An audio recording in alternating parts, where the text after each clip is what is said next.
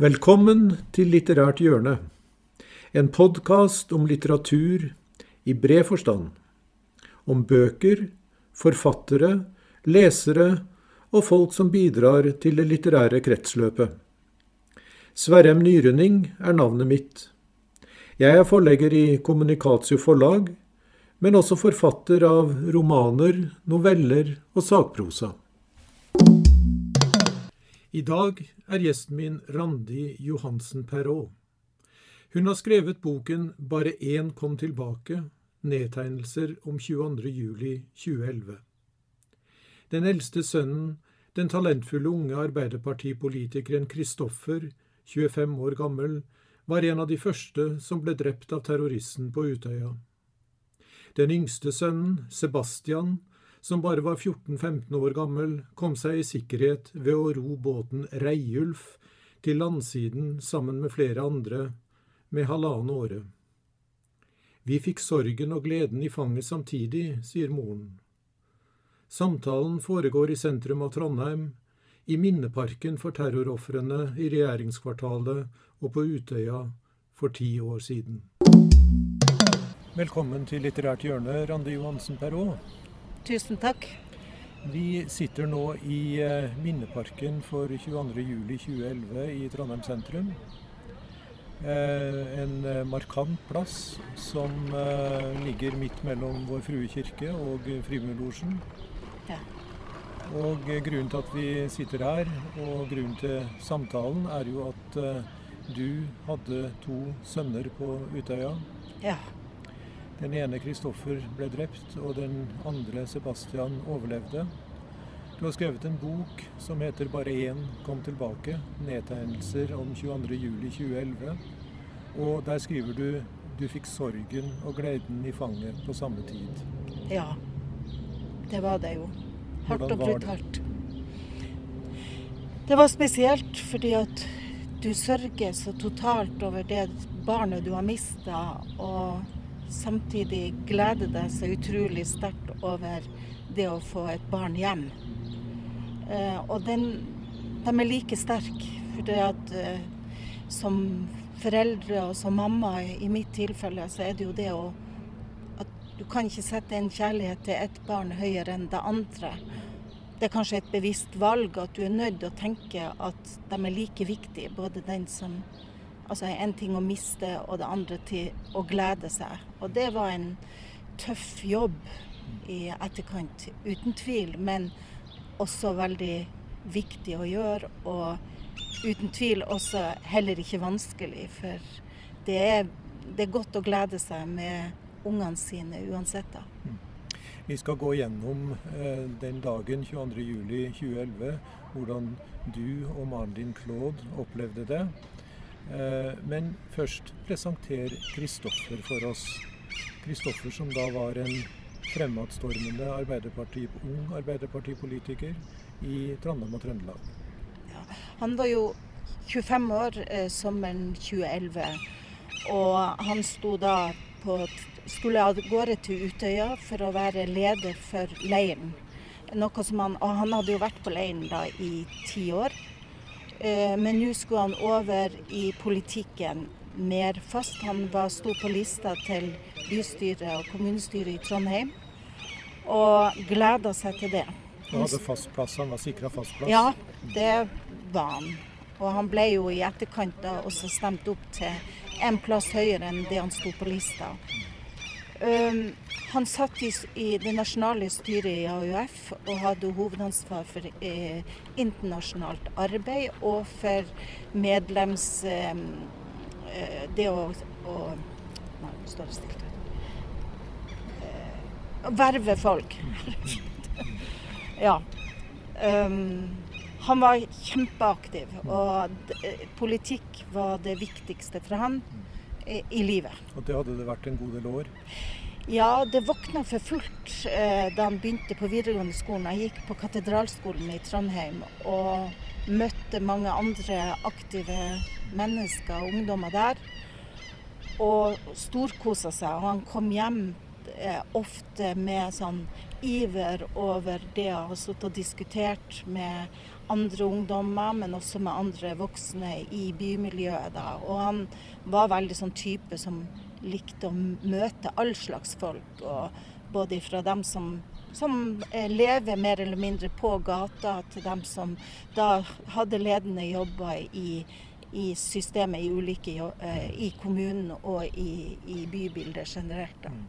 Og det politiske engasjementet hans var vel også slik at eh, om det var en undervisningstime han skulle sk kunne skippe, så gjorde han det? Ja, det gjorde han. Eh, han overraska oss jo med at han, han, eh, Vi fikk et brev hjem om at han kanskje hadde fare for å ikke få godkjent faget og få karakter. Og jeg visste jo at han var dratt på skolen om morgenen.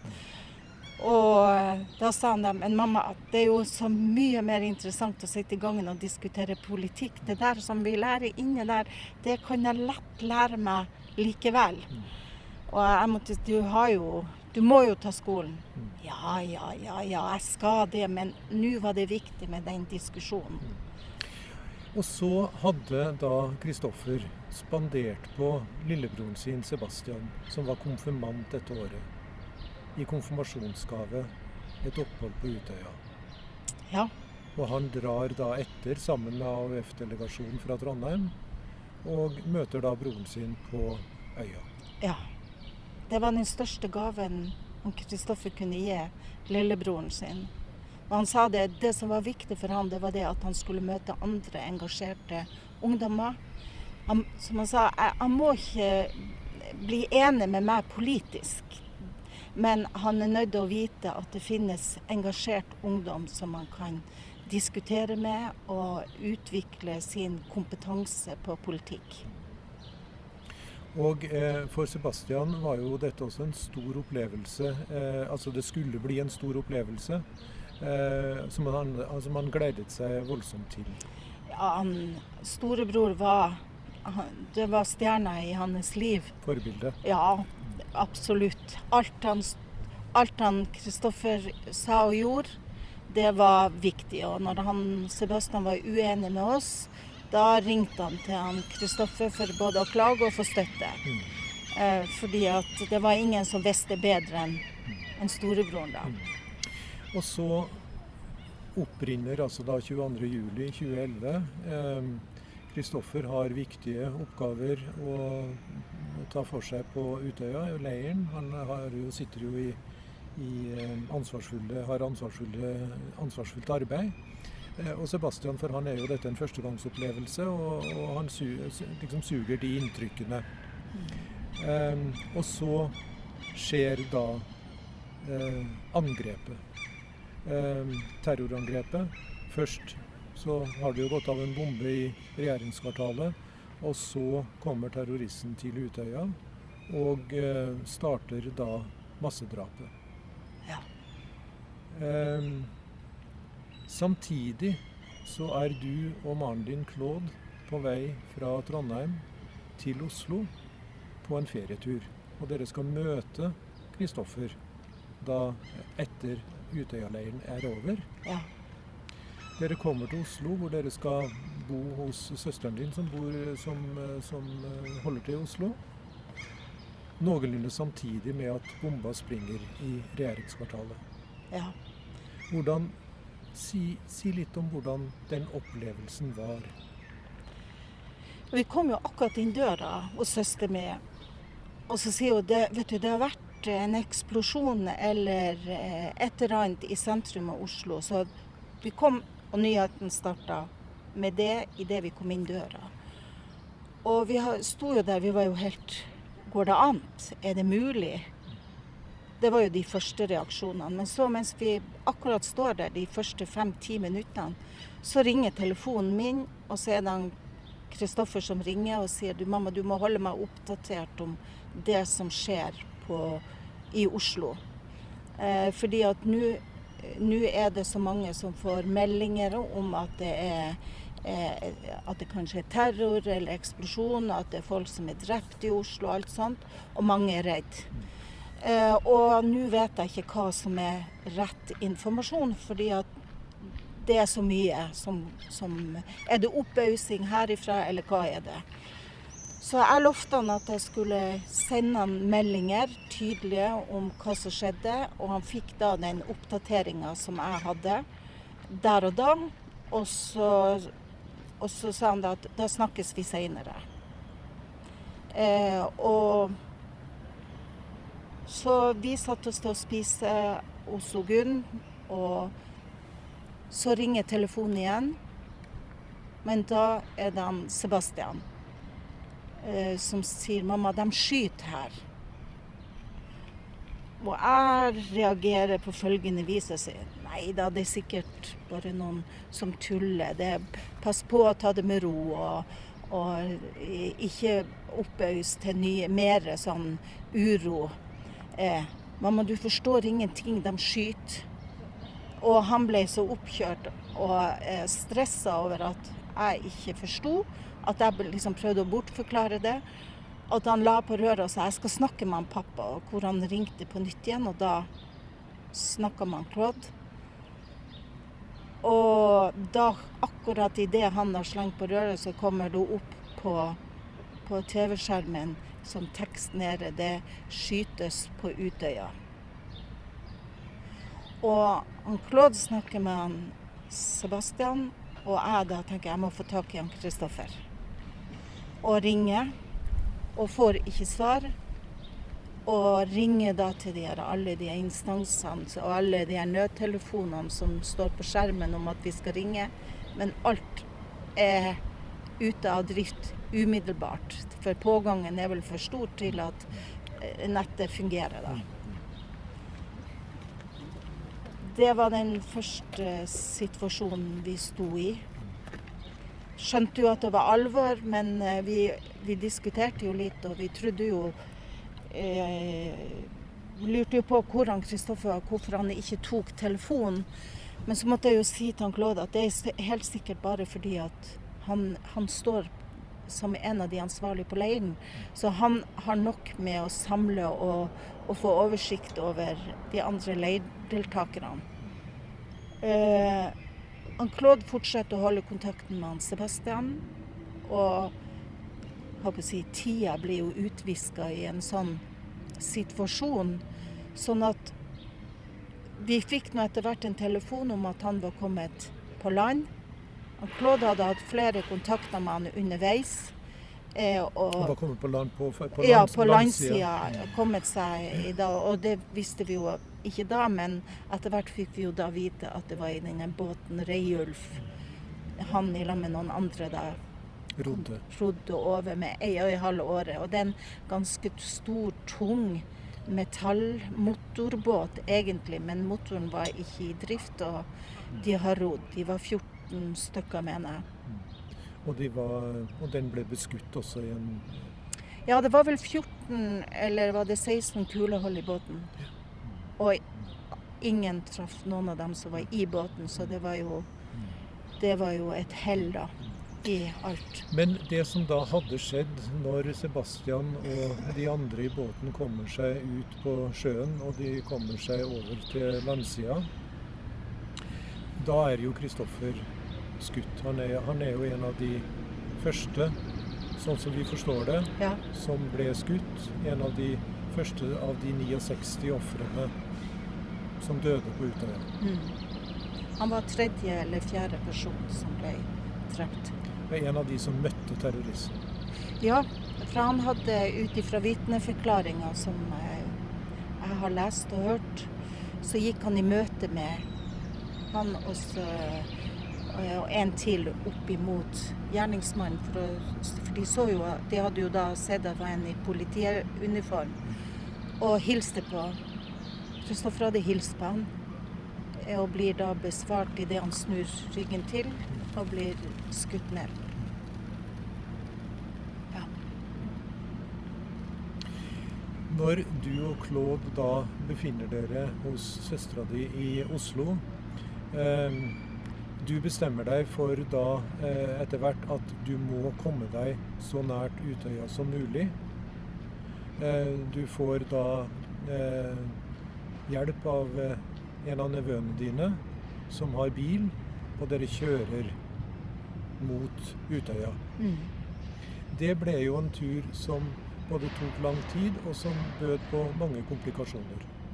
Ja, det gjorde det jo. For vi hadde jo fått beskjed da, for å si det først, at han, Sebastian var da på Sundvolden hotell. Der var de kommet eh, alle, alle, sammen. Og det var jo da et sånn krisesenter for, for pårørende. Og, og der skulle hovedinformasjon gå ifra. Så vi kjørte for å dra ut til Sundvolden, som, som, ligger bare noen kilometer ifra Utøya der. Men på veien fra Oslo sentrum så kommer vi da til Sandvika, og der er det veisperring. Og politiet loser oss da til, til Tonehotellet i Sandvika, som også var oppretta som krisesenter og informasjonssenter. Vi måtte vente der. Og det var jo en helt spesiell opplevelse, fordi at det var så uorganisert. Det eneste som kunne minne om at det var noen som leda an, det var det at de hadde refleksvester på. Eh, vi gikk bort til skranken i hotellet og spurte, og fikk beskjed om at det var at det sto eh, to eller var tre bord eh, som man måtte melde seg inn på. Og du måtte stille deg i kø. Det var altså ei kø da for både de som visste at ungene levde, og, de, ja, og, til, og, var kommet til rette. Og for de som hadde en usikker situasjon, da, som, som tilfellet var med oss. da. Så jeg sto jo i køa og jeg ser fremover, og da ser jeg de her som sitter og noterer. De hadde for det første tre forskjellige måter å notere på. En i en notispråk, en på et A4-ark som var ruta opp, og en annen hadde linja opp eh, det her arket for å skrive informasjon om hver enkelt. Og det alene for meg fikk meg til å tenke herrefred, hvordan i all verden skal de klare å samkjøre den informasjonen man ikke engang har likt noteringssystem? Og hvor er datamaskinene? Det var ikke én med en datamaskin det skurra for meg. Eh, og, men jeg sto nå i den køa, og så ble jeg pratende med noen av de som sto foran meg. Og de spurte om min situasjon, og jeg sa det at jeg var Sebastian visste jo var kommet i land og var på Sundvolden, men vi visste ingenting om han Kristoffer. Og da ble jeg skyvd frem av de andre som sto i kø, sånn at jeg kom meg fortere frem til, til Hjulpet av andre pårørende? Ja. Og så fikk jeg jo da eh, gitt en informasjon om hvem mine var, og hvordan stoda var. Og så fikk vi beskjed om å vente. Og i mellomtiden så ringte jeg sykehusene til til eh, politiet, til nødtelefonene som var oppretta på alle vis. For jeg tenkte jeg kan ikke stå uvirksom her. Og det føltes veldig sånn tøft å stå der. Og jeg visste at Dan Sebastian var på Sundvolden, og vi hadde enda noen noen mil å kjøre for å komme dit. Og spørsmålet du da selvfølgelig stilte var vet dere noe om Kristoffer? Ja. For dere visste jo ingenting? Ingenting visste vi. Men hadde, det, hadde du, når dere var underveis der, levde du Ja, det gjorde du selvfølgelig. Levde i håp om at han selvfølgelig var OK? Ja, og det er jo noen ting som jeg har tenkt mye på. Um, for meg var det ikke Det var ikke et spørsmål i hodet mitt om at han kunne være drept. Um, og det er vel det der du lever i, det håpet som, som går hinsides all si, kanskje fornuft. Det, det, er ikke noe annet som eksisterer inntil du får en beskjed. Det er vel et nødvendig håp for å kunne agere, kanskje også? Jeg tror det. fordi at i det øyeblikket du gir opp, og ikke tror på at det er mulig å, at han lever, så blir du heller ikke i stand til å finne ut hva du skal gjøre. Så jeg tror jo det er en veldig viktig reaksjon å få for å kunne gjennomføre det vi skal. Ja. Men dere kommer dere fra Sandvika etter hvert, etter en lang og kaotisk opplevelse. Mm. Eh, og dere kjører videre mot Sundvolden, og dere kommer jo frem til hotellet til slutt. Ja. Det var vel akkurat passert midnatt eh, da vi kommer frem, og det var jo et dårlig vær. Det regna, det var eh, dunkelt lys, og det var liksom sånn. Og du ser de her eh, Røde Kors og, og hjelp, altså hjelpekorpsene eh, i, rundt om med de her refleksvestene. Og så var det det der synet med masse folk som gikk med sånne ullpledd. Altså det var ei sånn eh, rundt seg. og du så de her tomme blikkene på alle vi møtte, og jeg lette etter han Sebastian. Jeg kom meg til resepsjonen i hotellet der og spurte og fikk beskjed om jeg måtte vente. Og der flaut det jo av folk. Eh, foreldre, eh, hjelpemannskap, ungdommene i de her i pleddene og det her tomme blikket. Og jeg tenkte hvor i all verden er du, Sebastian? Og han kom. Og blikket, det var helt svart. Det var ikke det var ikke et uh, livlig uttrykk på en ungdom på 14 som, uh, som møtte, meg, møtte meg da. Det var fælt å se han, og han hadde klær på seg som jeg ikke kjente. Han hadde det pleddet som alle de her ungdommene mer eller mindre enten hadde knytta eller tulla rundt seg. Um, og, jeg, skjønte egentlig der og da at vi må, vi må ut herifra. Vi må, vi må, tilbake til Oslo, til, til Claude og til søsteren min. For å få en bit av normalitet inn her. Og du ville ta med deg Sebastian, men han ville ikke? Nei. Han skulle være der. Og det tok ei stund før han aksepterte. Vi, vi satt jo ei stund og venta på å få noe informasjon om han Kristoffer, noe vi ikke gjorde. Det var jo hver time så var det ny oppdaterte lister over, over eh, døde, da. Uh, og navnet til Kristoffer kom aldri opp. Han sto på lista over savna også da vi dro, men da hadde vi i mellomtida Sebastian fått snakka med en i kriseteamet. Eh, og så eh, da var han klar etter det å gå sammen med meg og han, Thomas, han er nevøen min. Og vi kjørte mot Oslo på morgenkvisten lørdag den 23. Inn mot Oslo, stoppa på veien med sykehusene, Bærum sykehus og det siste stoppestedet på Ullevål, eh, der vi også visste at de fikk inn skadde og drepte. da. Mm. Og, og vi, ingen visste om Kristoffer? Ingenting. Og svaret sto jo ubesvart til torsdag 28. juli. Det tok seks døgn før dere fikk vite at Kristoffer var en av de drepte. Ja. Når du tenker tilbake på det, hva slags refleksjoner gjør du deg i dag? Det er to. Det er klart at den ene er det å leve så lenge, altså ei uke nesten, i, i, i det håpmoduset og fortvilelsen. Ja. Altså For meg var det altså Jeg husker bare det er ikke mulig. Han lever. Og jeg trodde at han var De hadde bare ikke funnet han. Han, var kommet, han hadde klart å svømme. Eh, han hadde altså Gjemt seg? Gjemt seg. Altså alle mulige tanker lå inne. Eh, og samtidig, sånn parallelt, så ligger det en sånn realitetsorientering inne. For jeg hadde jo da på søndag eh, den 24. juli så ble jeg jo oppringt av politiet på Grønland i Oslo om at jeg måtte komme inn og gi en nærmere beskrivelse om Kristoffer, noe som jeg gjorde. DNA-prøve DNA-prøve og kjennetegn og etc. etc.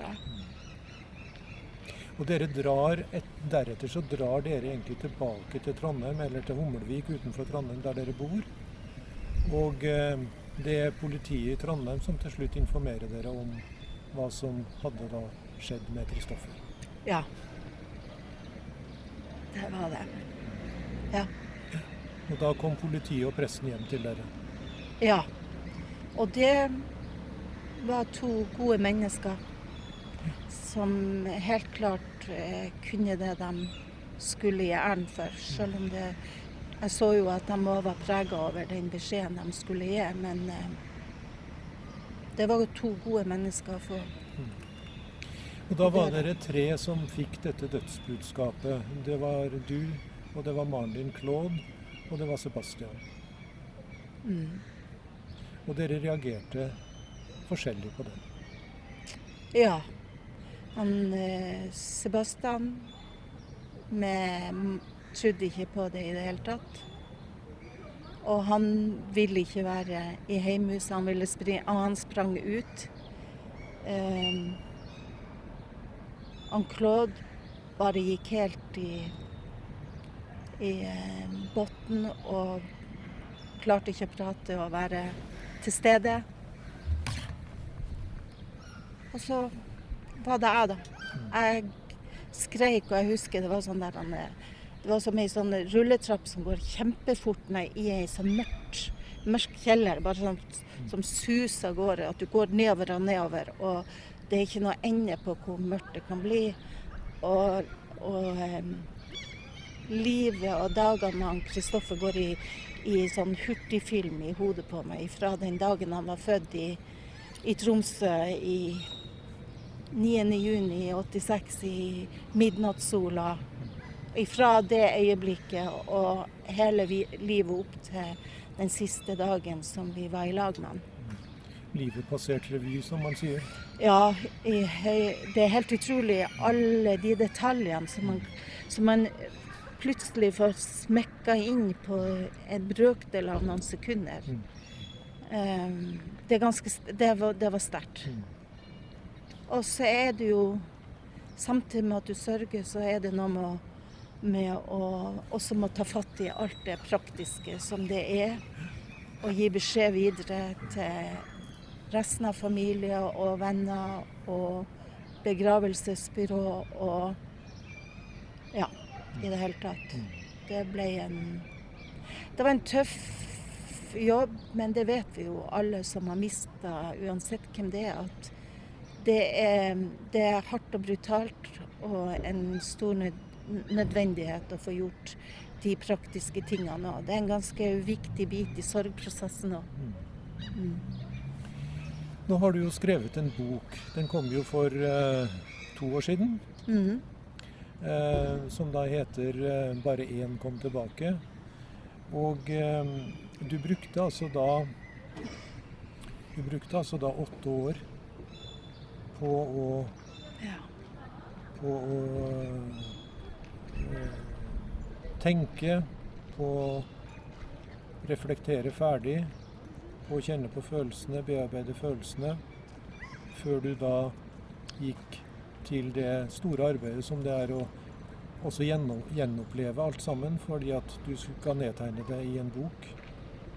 Men eh, du følte at det var nødvendig. Ja, det var i hvert fall nødvendig på den måten at jeg hadde jo, jeg hadde jo skrevet underveis. Og det var jo Eller det vet jeg jo, det har jeg gjort i tidligere da jeg var ung òg. Når ting var vanskelig, så skrev jeg, for jeg visste at man Korttidshukommelsen er noe av det som først forsvinner når man, når man er oppe i ting som er alvorlig nok. Så jeg måtte skrive for å på en måte ikke glemme den biten av liv vi hadde, både det som var tragisk og de her stundene vi hadde med han Sebastian som var viktig. Og også for å hjelpe han Sebastian senere i livet kanskje med å forstå at hvordan livet var da. Eh, og det var jo Jeg hadde vel aldri tenkt at jeg skulle gi ut noen bok. Det var noe som alle andre kunne, men ikke jeg. Eh, Men det er jo blitt en meget gripende bok, da. Og en konkret bok, detaljert bok, som eh, setter seg i den som leser. ja, de sier det, de som har lest, Mm. at den gjør det. Og det er jo fint. På den måten at man får et innblikk i hva en sånn tragedie kan være for enkeltmennesket. Fordi at 22.07. det var jo en tragedie for samfunnet vårt, helt klart. Men de som bærer byrden av tragedien 22.07, det er vi som som de som var overleverne fra øya og fra regjeringskvartalet, og vi som mista, ikke minst. Vi tapte mye den dagen. Vi tapte Hovedsakelig så var det jo unge mennesker som ble drept den dagen. Og samfunnet vårt tapte viktige ungdommer inn i vår fremtid. Og så tok alvoret grep om Norge også. Dette her at det var en norsk terrorist. Mm. Eh, et større alvor gled inn over samfunnet, over samfunnsdebatten. Eh, at dette var mulig også i Norge. Vi hadde vel kanskje hatt en naiv forestilling om at et terrorangrep av denne type var en urealistisk forestilling. Ja, vi hadde jo det. Og det sier jo altså Gjørv-kommisjonens rapport eh, sier jo helt klart at Norge ikke var beredt. Og vi har vært veldig naive i veldig mye av det vi har gjort i etterkant, eller også i forkant av 22.07. Det er jo et paradoks at hvem som helst kunne kjøre inn i garasjen under Norges viktigste bygning, altså regjeringskvartalet. Det, det går an å kjøre inn der. Gikk an. Ikke én stopper på veien. Nå har du jo dem. Det er et godt stykke ut ifra området. Og det var jo påpekt i forkant. Ja, opptil flere ganger. At man burde sikre regjeringsbygget på en helt annen måte. Ja, men vi er godtruende og naive. Nei da, men vi er jo snille. Det skjer ikke. Og så skjer det. Så fatalt som det gjorde. Og dessverre ikke bare på beredskapen der, men også i måten politiet reagerte. Kanskje på en måte en sånn de, En autoritetssystem, et hierarki, der den som får inn en beskjed, ikke kan gjøre, ta en beslutning. Den, den gule lappen om om gjerningsmannen lå inne på desken bare en 10-15 minutter etter at dette hadde skjedd. Mm. I regjeringskvartalet? Ja, i regjeringskvartalet. Mm. Og han kunne ha vært pågrepet tre ganger eh, ut ifra de opplysningene, men da har 45 minutter gått før da sjefen eh, som da var på vakt, kom ut av et møte. Og det sier jo også ganske mye for mitt vedkommende at man har Jeg tenker politiet skal handle, og det er klart man skal ha sjef, men man må også se hvor store ting er det dette Hva det er det handler om. Da må man, må man handle.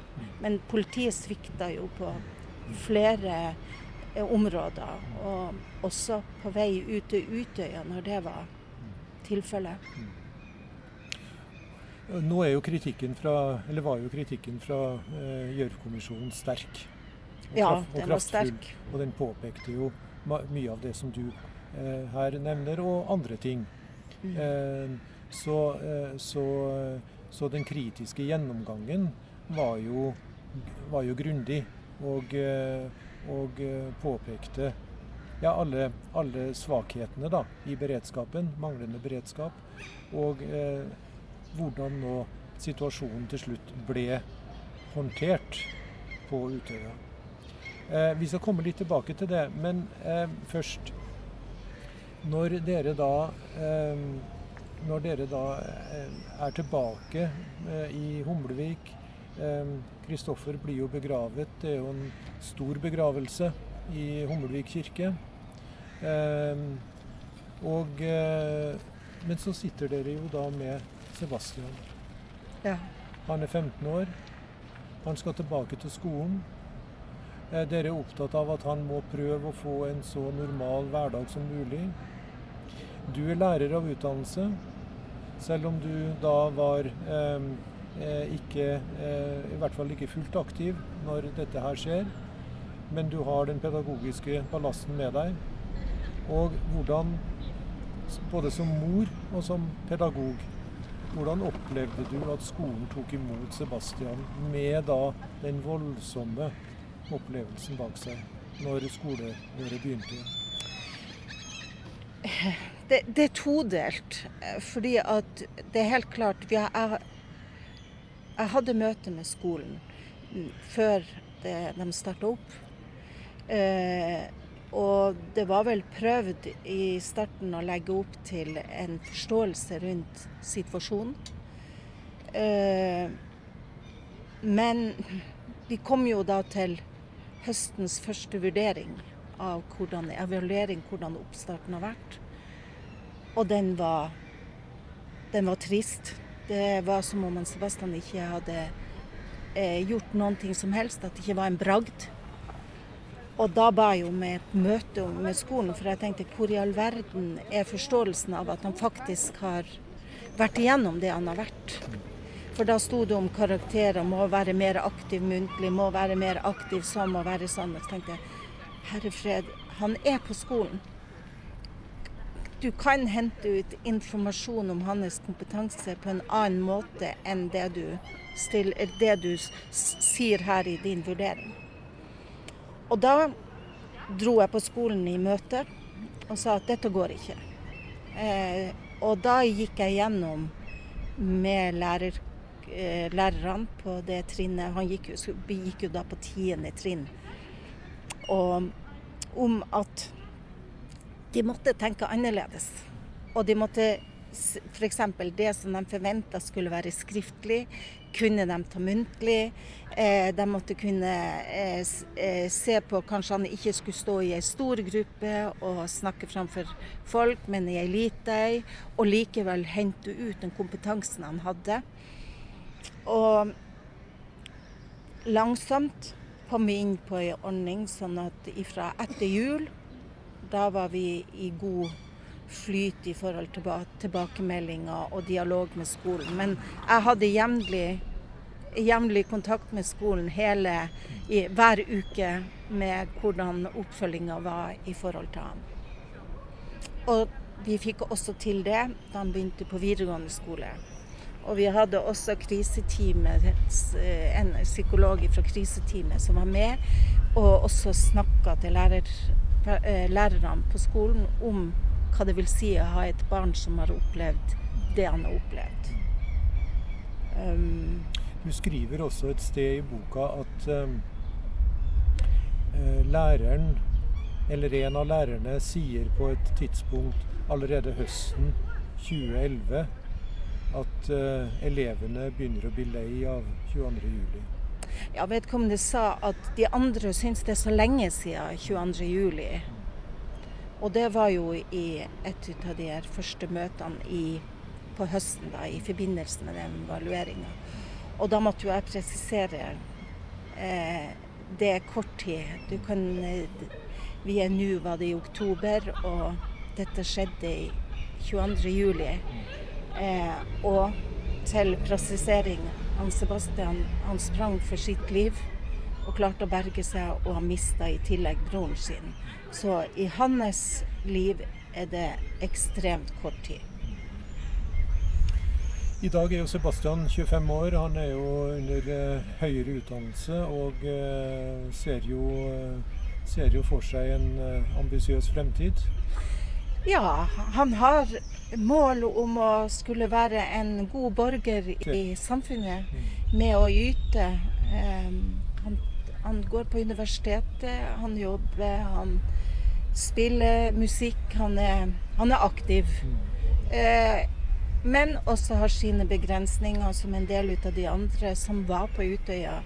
Eh, som sliter med en del eh, i forhold til å, til å bli forstått med hva de har opplevd. Og samtidig som de òg, vet jeg, har vært redd for å, for å si at de har vært på Utøya pga. det de møter av mangel på forståelse for det de har gjort.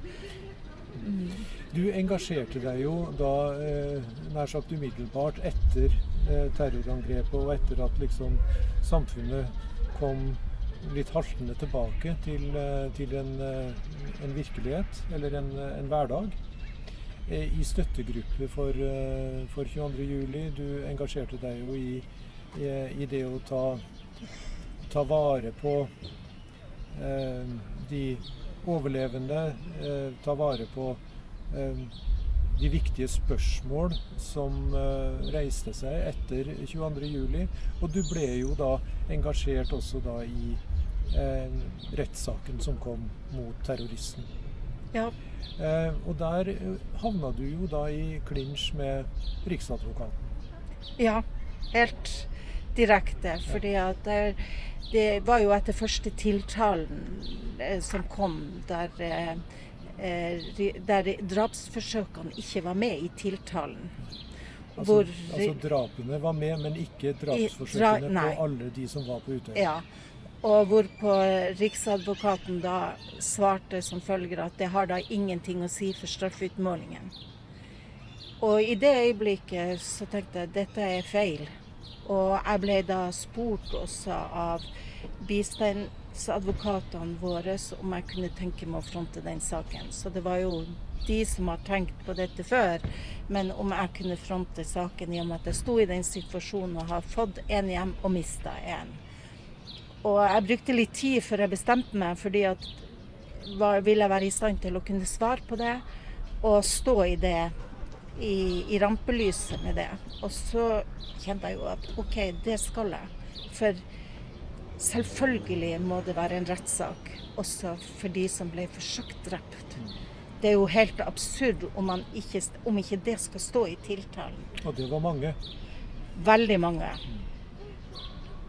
Og det gjorde jo det at det sto i, eh, var ute i avisa, det ble en stor reportasje i Dagsavisa i, på høsten i 2011, resulterte i at flere kom på banen med samme sak. Og i januar 2012, mener jeg det var, da snudde Riksadvokaten og drapsforsøkene kom med i tiltalen. Så det var en stor seier.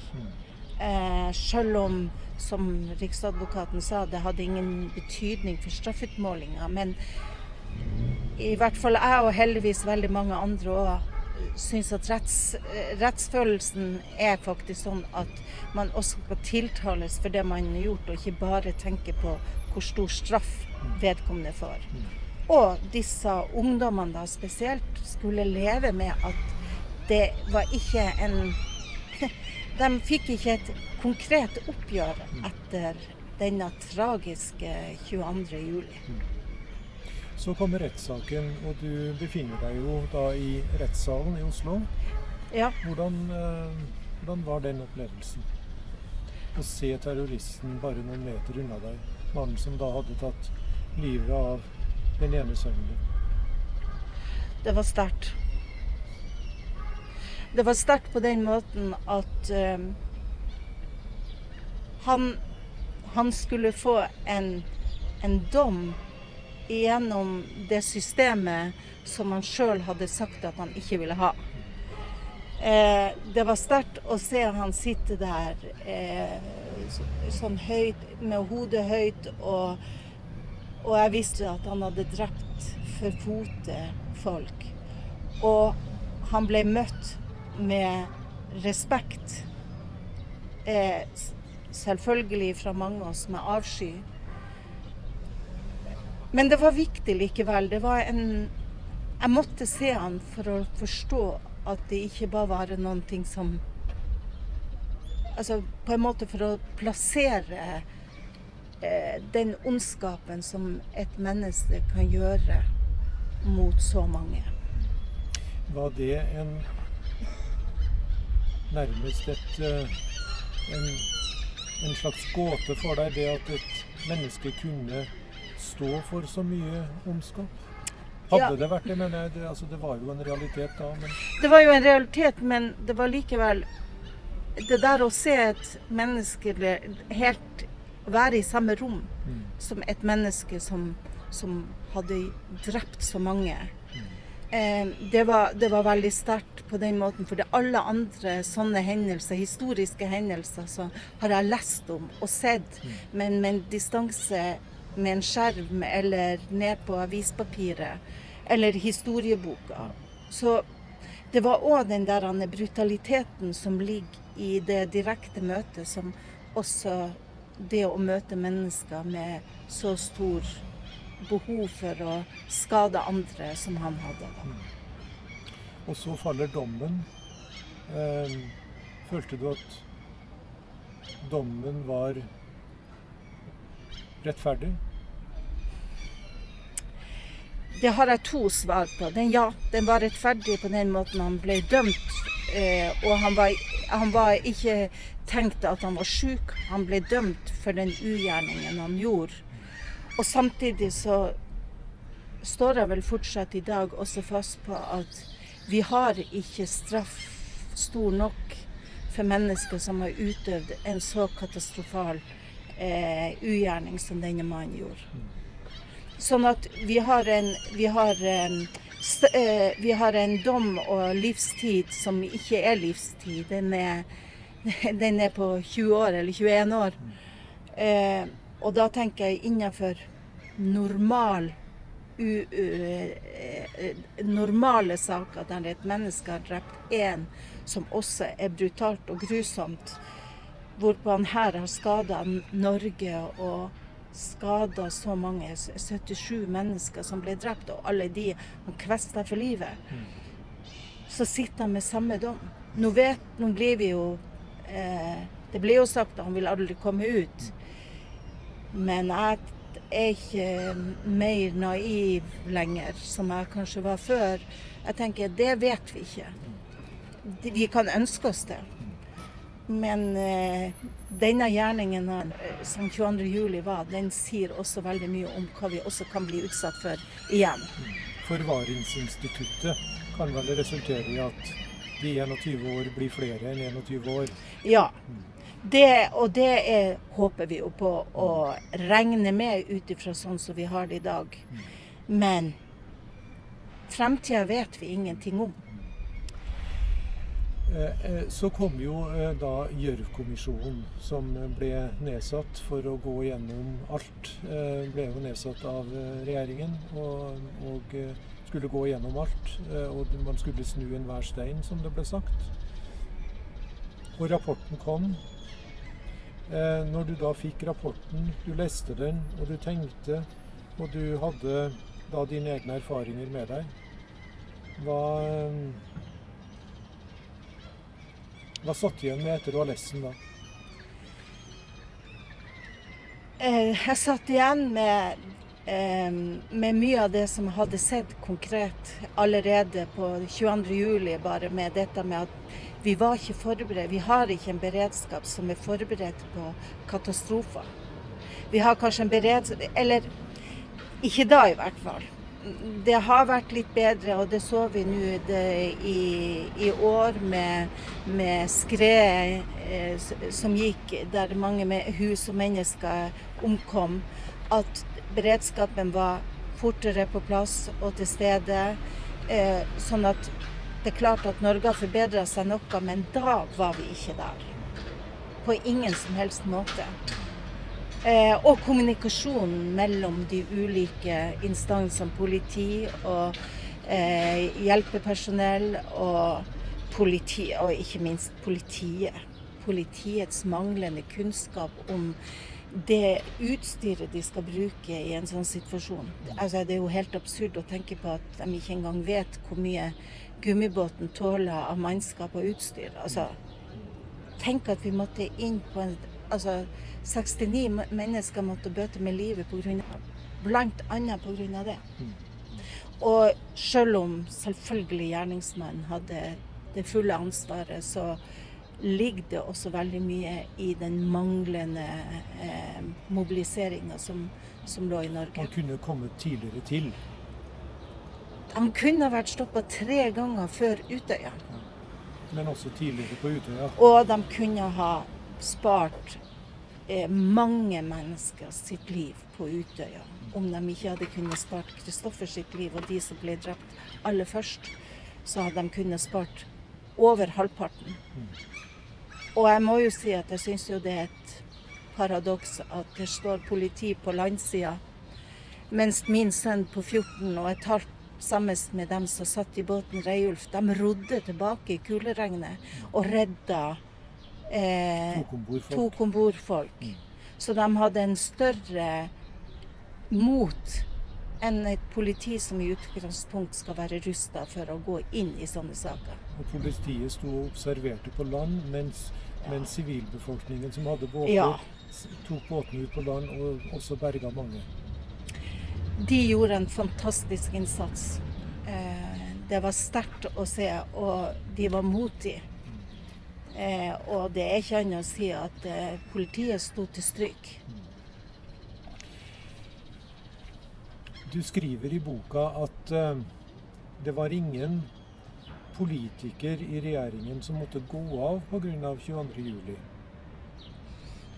Altså det var ingen som det, Altså regjeringen Det var ingen som tok dette politisk, det politiske ansvaret som, som, eh, som det er et uttrykk for ved å gå av når da alvorlige ting skjer og det er en svikt i systemet.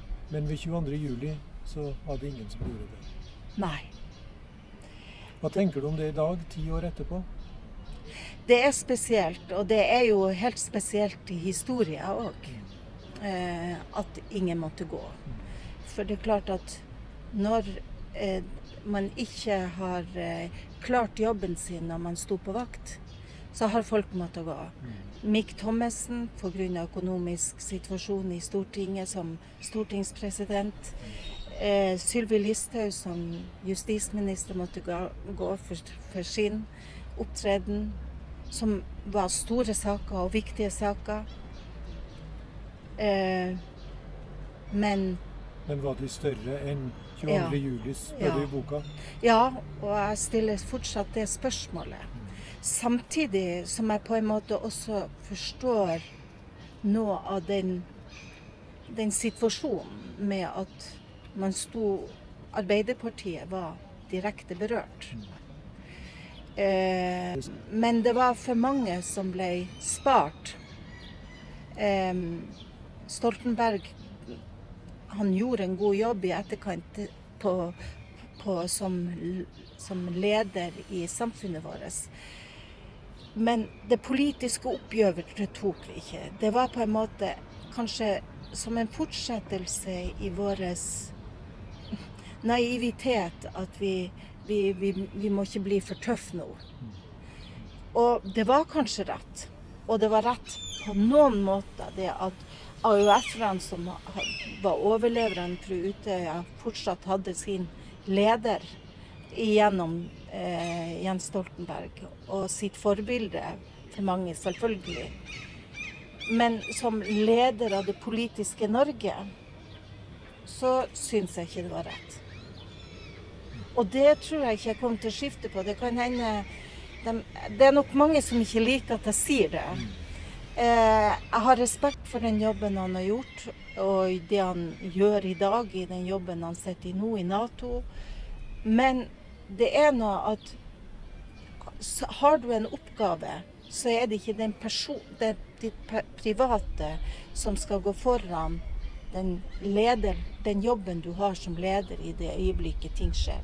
Er du på vakt, så er du på vakt. Og har du ikke fulgt opp den jobben, så må du gå. Um, det er hardt og brutalt, men jeg, jeg tror jeg fortsatt kommer til å stå på det.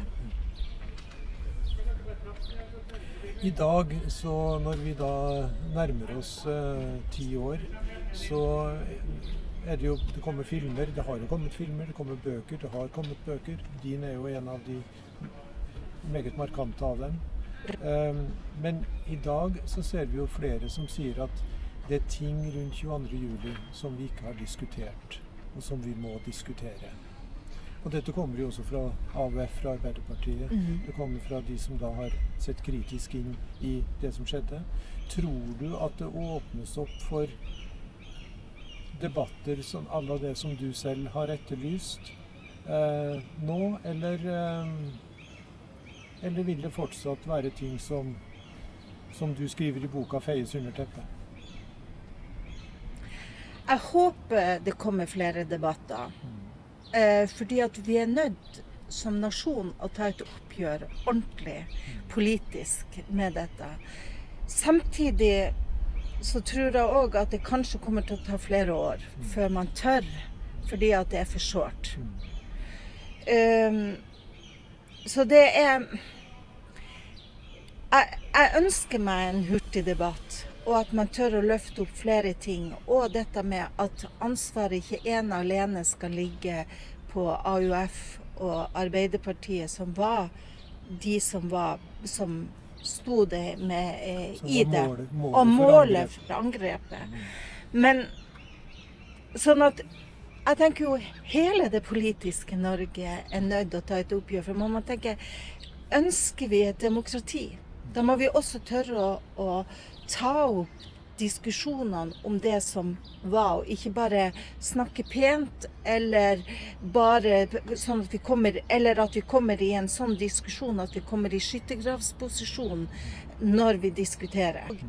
Vi må tørre å løfte politiske spørsmål opp eh, i mye større grad om det som 22.07 også eh, var. Ikke bare den, den, den det, det som terroristene utførte, men også hele samfunnets struktur.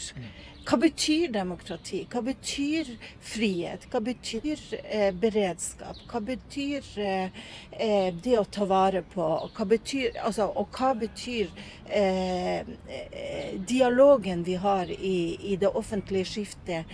Både i media sånn generelt, men også i det sosiale media. Hva er det vi skal tåle?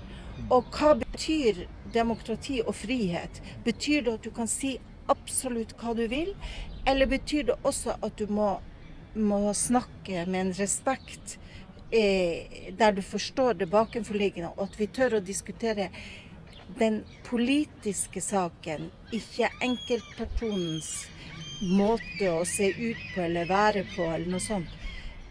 Og stille opp hva betyr, ikke minst, hva betyr demokrati? Ikke bare at det er fint at vi har demokrati, men hva betyr det?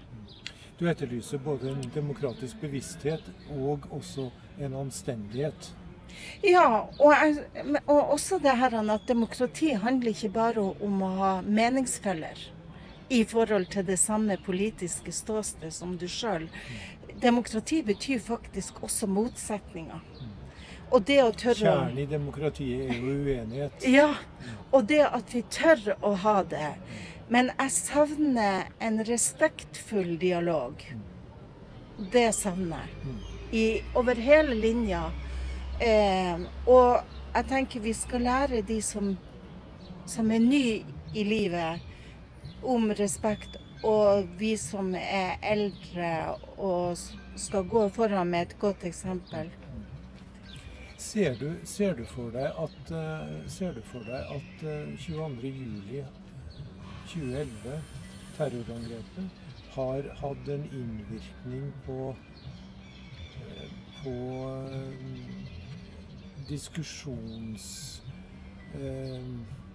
altså te temperaturen, måten vi snakker med hverandre på? Ja. Jeg syns den har blitt styggere. Eh, man, Men ser du sammenheng mellom det som skjedde da, og, og hvordan det er blitt f.eks. i sosiale medier, hvor, hvor uh, enhver er sin redaktør og går uh, amok ved tastaturet? Det, de gikk nok amok før 22.07. òg. Og jeg har ikke vært veldig mye i, det, i den diabatten på sosiale medier. Det er ganske nytt for meg. Men når jeg er inne og ser på det, så ser jeg at jeg syns den er vel tøff. Eh, og helt opp til i dag, med å høre det som blir sagt om, om politikere nå i Oslo, Morlan, som er nødt eh, har eh, eh, Som må gå for den manglende informasjonen hun har gitt til, til bystyret i Oslo så syns jeg det er en politisk sak der man, man må gå for det man har gjort av en ugjerning. Men jeg liker ikke eh, det at hun blir angrepet for den personen hun er, for det utseendet hun har, for alt det andre.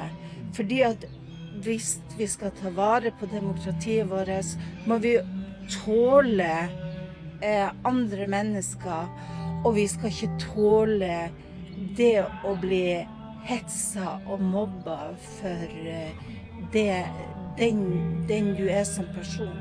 Du kan bli tatt for det du mener, men du kan aldri bli tatt for sånn du ser ut.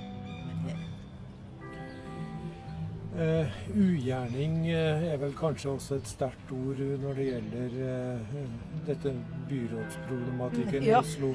Men, men, vi skjønner jo hva du mener. Ja. ja. til slutt, Randi. nå nærmer det seg dagen for terror, tiårsdagen for terrorangrepet. Har du forsonet deg på sett og vis med det som skjedde? Jeg tror aldri jeg kommer til å gjøre det. Der er tapet for stort.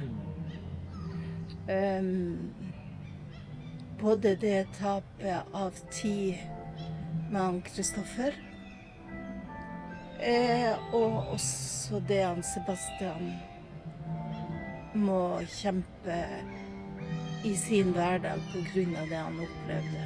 Og du og Claude selvfølgelig. Ja, vi òg. Men hvis jeg skal Det vil alltid være der, og det dukker opp på de utroligste øyeblikk hva tapet er.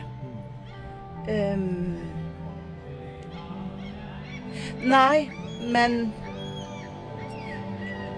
jeg har hatt på en måte en sånn Hvordan kan man si det? Nå er det ti år uten han Kristoffer. Jeg hadde 25.